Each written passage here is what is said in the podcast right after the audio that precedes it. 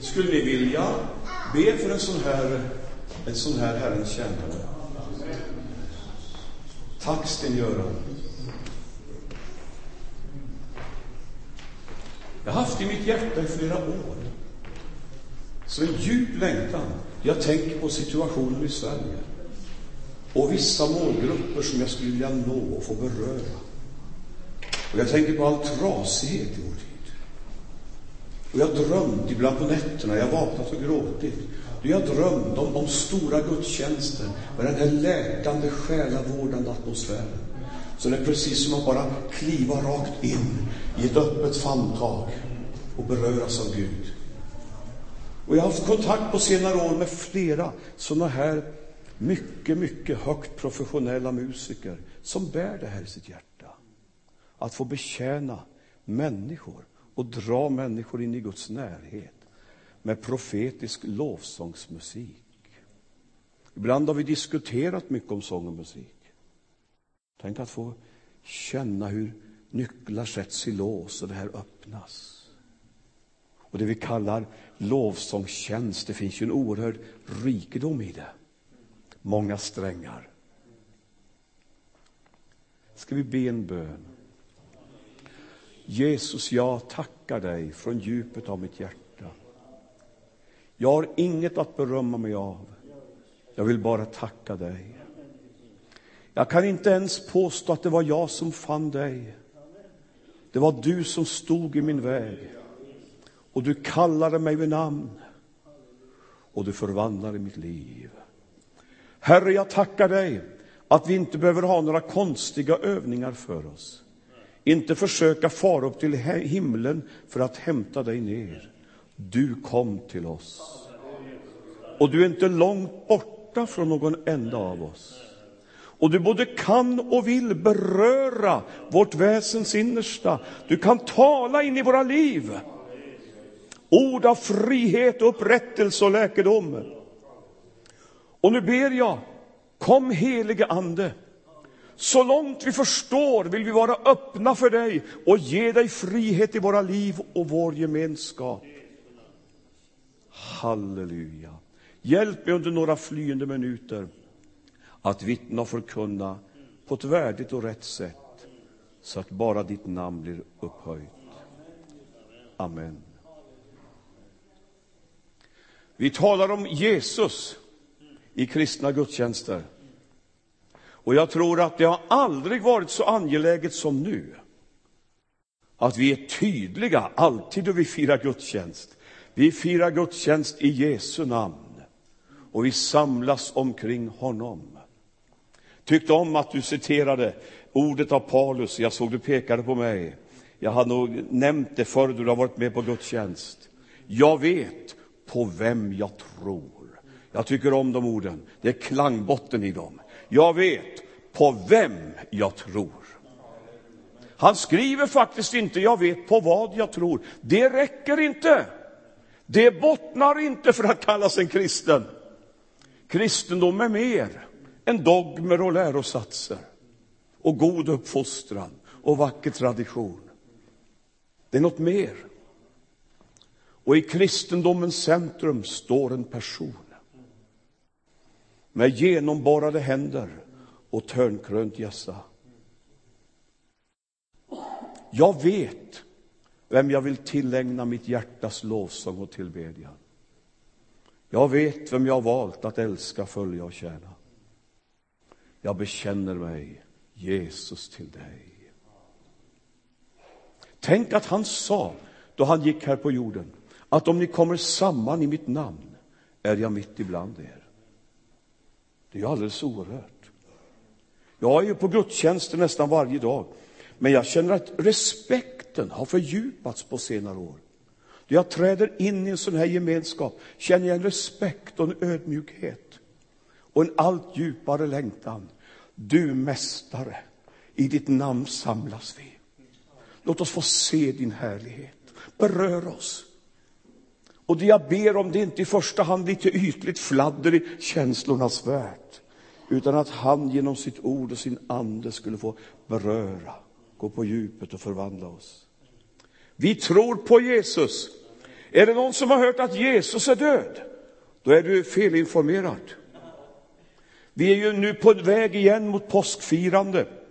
Och jag har även drömt en dröm om detta, att vi i Sverige, i detta sekulariserade land, som samlad kristenhet skulle få återupprätta påskfirandet. Elisabeth Sandlund, redaktör på Dagen, hon myntade uttrycket ”det är dags för påkristning”. Då hon hade kommit till tro, hon blev så trött på att alla kristna suckade och sa det är sån avkristning. Det är dags för påkristning, sa hon. Och då menar jag, om vi skulle få tro för det och en djup känsla för det, var ska vi börja?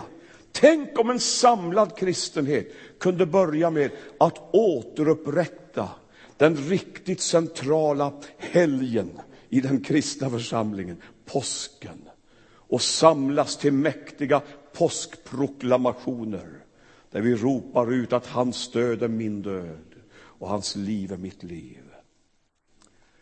Tänk att Gud blev människa. Tänk att Jesus vandrade ibland oss. Och han sa, har ni sett mig, då har ni sett min fader. Jag har kommit för att uppenbara vem han är. Och så gick han där bland folket.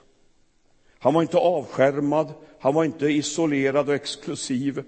Han vandrade bland människorna. Och en del hyperreligiösa, bibelsprängda, de var så irriterade och de sa, han är för snäll mot dem som har misslyckats. Och de myntade ett uttryck där de riktigt ville misskreditera Jesus. Och de sa, han är syndares vän. Jag tycker det låter ganska sympatiskt och hoppfullt för min del i alla fall. Han var god mot människorna. Det var ju det de sa ute i städer och byar. Han gör gott och hjälper alla. Och så säger Bibeln att Jesus Kristus är densamme igår, idag och i all evighet.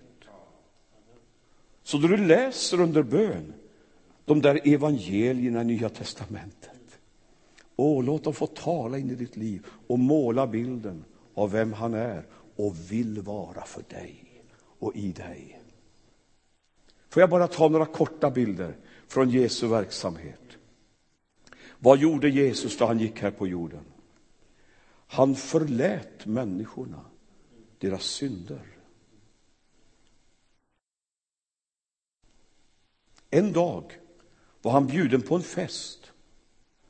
Och till den där festen kommer en liten trasig människospillra från stans bakgårdar, skulle man kunna säga. Hon är så föraktad. Så bland de fina och värdiga och duktiga och de trogna kyrkobesökarna hade hon inte ens ett namn. De bara kallade henne synderskan. Alltså snacka om att vara dömd på förhand. Hon har inget här att göra. Hon har inget med Guds rike att göra. De tyckte att det riktigt stinker om hennes förfelade liv. Och mycket var säkert djupt förfelat. Men du, vi kanske skulle vara lite, lugna ner oss lite, då vi dömer utifrån det ögat ser och vara lite försiktiga med att ha en massa förutfattade meningar om varandra. Säkert många som har suttit på kalasen och pratat om hennes förfelade liv. Men tänk, även där, där allt andas brustenhet, liksom, även där, även där finns det ett hjärta som ropar efter renhet och förlåtelse. Och så räcker det bara att ryktet går över stan en kväll. Jesus från Nasaret är här. Och det där ryktet går ända ut på bakgårdarna där den här lilla människospillran finns. Och väcker längtan till liv. Hon har inget inbjudningskort till festsalen. Hon bara sätter sig i rörelse ändå. Och så springer hon rakt in i festsalen. Och jag tror aldrig att hon hade tänkt att det skulle bli som det blev. Det tror jag inte.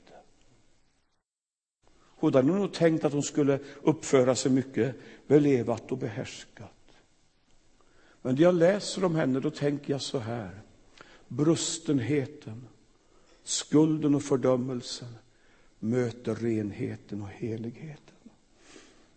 Och liksom allt bara går sönder på innersidan. Och denna lilla värnlösa människa som har vågat sig ända fram till Jesus, då hon kommer in i hans närhet, då ramlar hon ihop som en lumphög på golvet och börjar gråta helt obehärskat. Och jag står bredvid och bara anar vad mycket smärta det finns i de tårarna. Jag skulle tro att den där vandringen mot platsen där Jesus var, det var nog en vandring där hon möter sitt eget liv. Alla misslyckanden, all skuld, det liksom bara sköljer över henne. Och så slutar den här vandringen med att hon ligger där helt utlämnad på golvet, gråter så hon skakar. Försöker säkert ta sig samman, då kommer nästa våg av tårar. Och bevisligen låter ju Jesus henne gråta ut. Han står där som en försvarssköld, liksom, fridens första, och låter den här lilla människan gråta ut. Han håller inget korsförhör med henne. Han säger inte hur mycket har du gett i kollekten. Går du på alla möten? Han säger ingenting. Det är precis som det räcker med tårarna. Han som känner och vet allt. Bara står där och tittar öm på en liten gråtande människa och bekräftar henne med tre korta enkla satser. Jag hör inte att hon uttalar någon bekännelse, att hon ber någon hörbar bön. Hon bara gråter. Och rakt in i tårarna och trasigheten talar Jesus och säger följande. Tre saker. Dina synder är förlåtna. Din tro har frälst dig. Gå i frid. Kan du se en liten människa som reser sig upp och torkar tårarna och bara vet en ny chans för mig. En ny chans i mitt liv. Lägg märke till hur Jesus talar. Han säger dina synder är förlåtna. Vad betyder det? Du är redan innanför porten till mitt rike. Dina synder är förlåtna. Din tro ska frälsa dig. Nej, din tro har frälst dig. Så res dig upp och gå i min frid. Det är Mästaren som vi möter i evangelierna. Han som tillsäger människor syndernas förlåtelse och helar hjärtats djupa sår. Vad gjorde han då han gick här på jorden? Jo, han, han presenterade sig som den store läkaren. Har du tänkt på det? Hur stor procent av Jesu korta, dyrbara verksamhetsperiod här på jorden som upptogs av att hjälpa de fysiskt sjuka och lidande. Har ni tänkt på det? Det är svindlande. Gud blir människa, vandrar ibland oss några få dagar och år. Och varenda dag ägnar han sjuka, handikappade, lidande människor sin omsorg och sin kärlek. Och han säger, de gärningar jag gör, de vittnar om min far som har sänt mig. Varje gång en blind får sin syn och en spetälsk blir ren så är det bara ett uttryck för den varma kärlek som bor i Faderns hjärta. De gärningar jag gör. Kom inte till mig och säg att inte Jesus är de sjukas vän. Han har bevisat det. Och jag talar till dig som har kämpat mycket med sjukdom. Kanske har sjukdom i din familj. Och ibland är det nära till hands att det kommer in konstiga skuldkänslor, underliga känslor får tag i oss. Vad är det för fel på mig? Vad är det för fel på min tro? Vad är det för hemliga synder? Och så kommer vi ner i ett mörker och fördömelse. Är det någon som är föremål för hans varma kärlek så är det du som lider och är prövad av sjukdom. Och jag har inte svaret på alla lidandets frågor. Hur skulle jag kunna ha det? Världen är ju fylld av smärta och lidande. Men jag vet vad vi är kallade till som kristen församling. Vi är kallade att lägga våra händer på de sjuka och be i Jesu namn. Ledarna i kyrkan, de är utmanade enligt Bibeln att smörja med olja och be trons bön. Vi ska röra oss ut på de områdena i en betjänande attityd för att få vara med och förlösa Guds kärlek över människor. Den store läkaren. På vägen mot korset, där han ska lida döden för en hel mänsklighets skuld. På vägen mot korset går han genom Jeriko. Och där utanför stadsporten, där sitter en trasig, säkerligen smutsig tiggare. Bartimaeus. Han är väl född blind. Fanns då inga sjukpensioner och bidrag att söka. Han sitter där förnedrad och skramlar med en liten bössa. Och så kommer Jesus och allt folket med honom. Då är det någonting som går lös i den lille tiggaren. Han glömmer människofruktan, han glömmer allt. Jag ska ha tag i det. Jag ska ha tag i välsignelsen. Och han ropar så det ljuder där. Jesus, förbarma dig över mig. Det är en sån oerhörd bön tycker jag. Och när jag läser den tänker jag på, det står i en psalm i Saltaren. Som en far förbarmar sig över barnen, så förbarmar sig Herren över dem som fruktar honom. Förbarma dig över mig. Tänk att en del av de där som, som var lärjungar till Jesus, de blir irriterade av hans ivriga bön. Och det finns faktiskt lärjungar till Jesus också 2016 som kan bli irriterade, till och med i gudstjänstgemenskap. Om några är för ivriga i sin längtan och, och ber liksom för högt och enträget. Vi borde skämmas. En del gick igång där och skulle försöka dämpa honom och tysta ner honom. Tyst med dig! De tyckte han störde liksom den fina religiösa stämningen. Det fick motsatt effekt, det tycker jag är härligt. Rätt åt dem, rätt åt dem.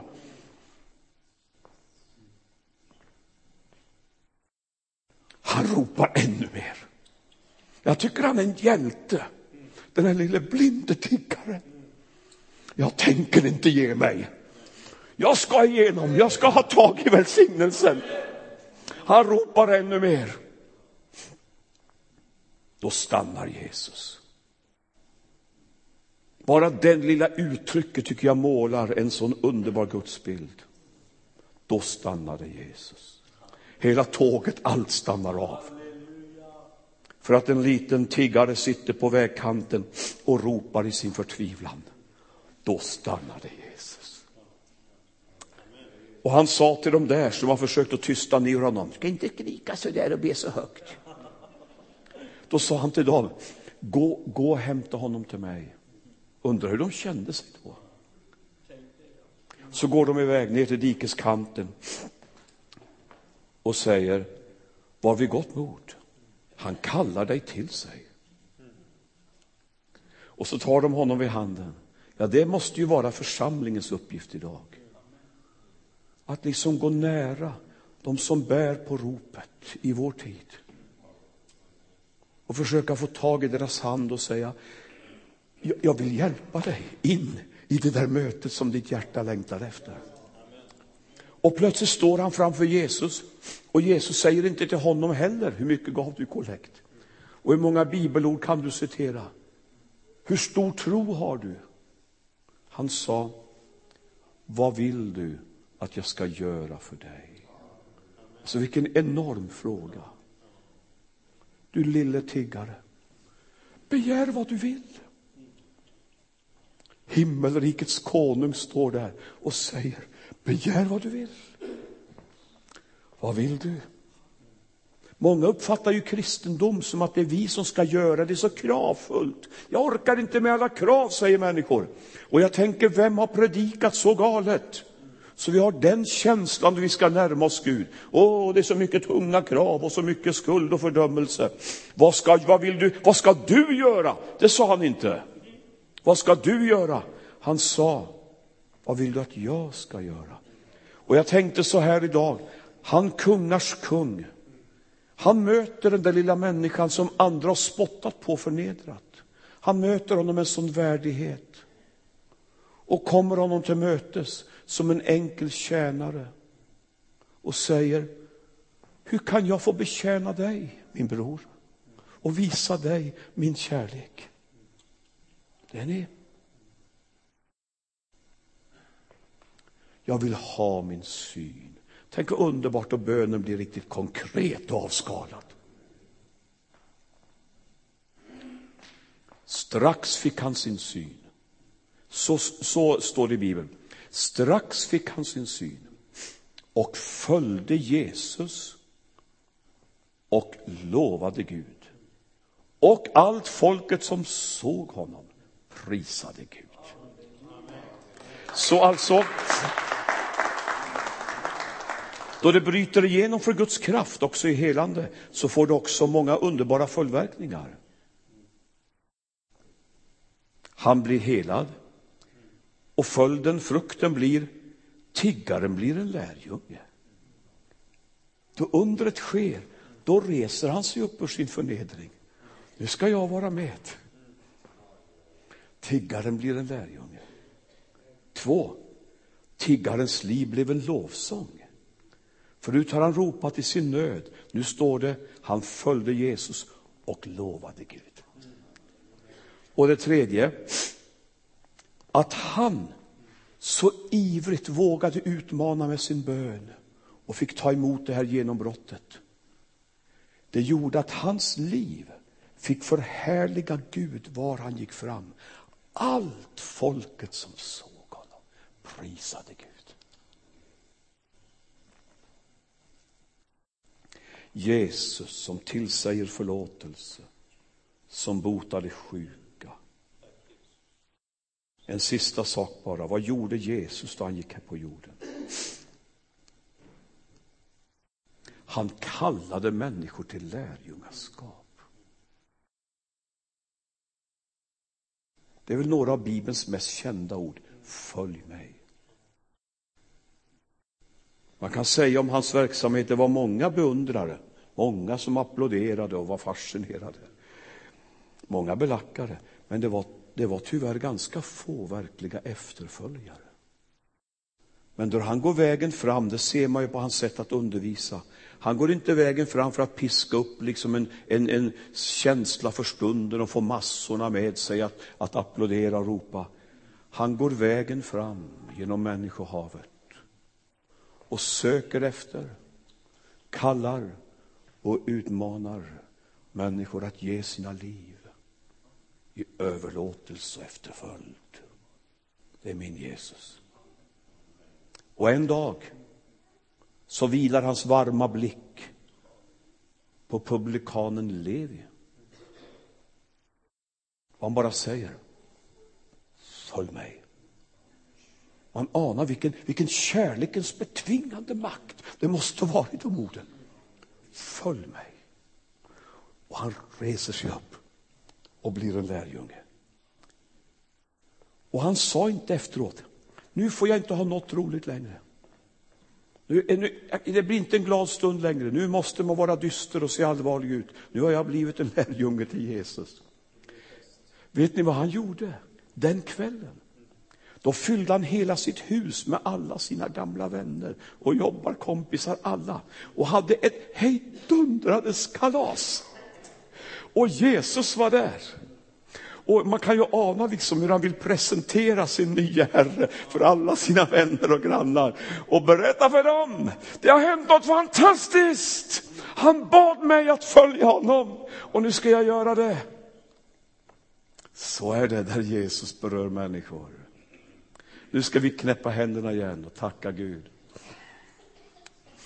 Hur mår du? Längtar du efter att få möta Jesus idag? Skulle du vilja att vi bad för dig?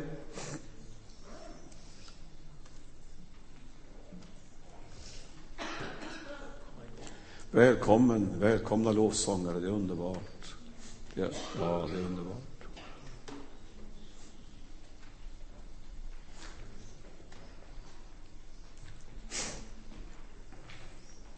Jag känner att jag har en, en hälsning från Gud till någon här på ett särskilt sätt.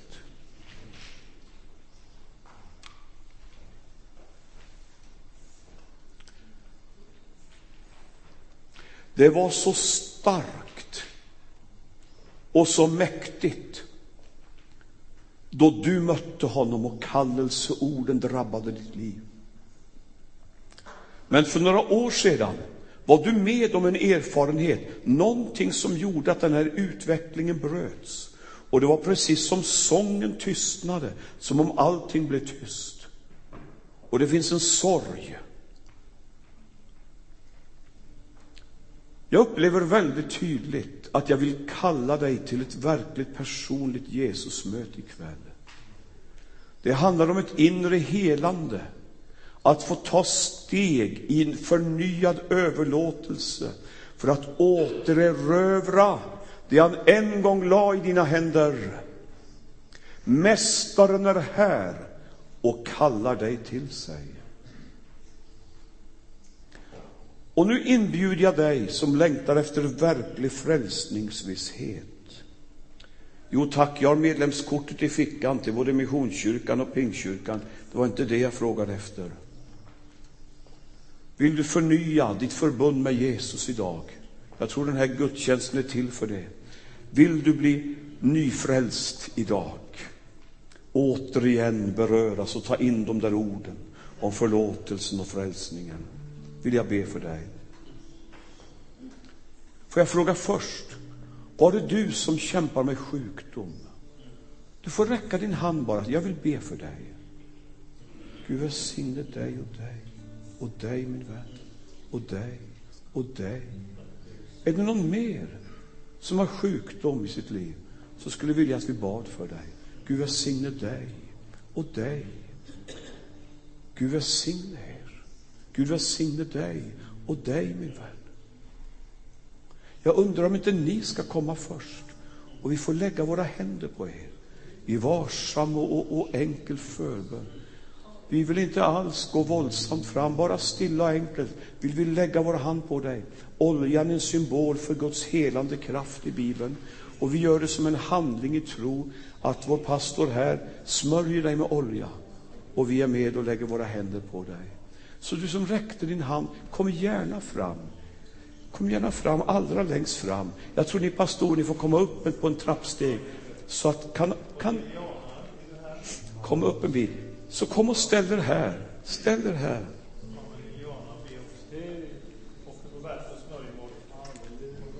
Så praktiserar vi förbön nu. Så kom gärna, ni kan ställa er på rad där så behöver vi inte stå i kö. Kom fram och gå, gå till hållet. Så, så vi, vi kommer fram allihopa. Herre, låt det ske som behöver ske. Och sen medan sången flödar så är det fritt för alla att gå fram så skulle vilja ta steg i överlåtelse. Steg mot Jesus ikväll. Gud, amen. Gud välsigne er. Jag kommer inte på vem du är. Du är ju Edsmyr, Ruth Sjung.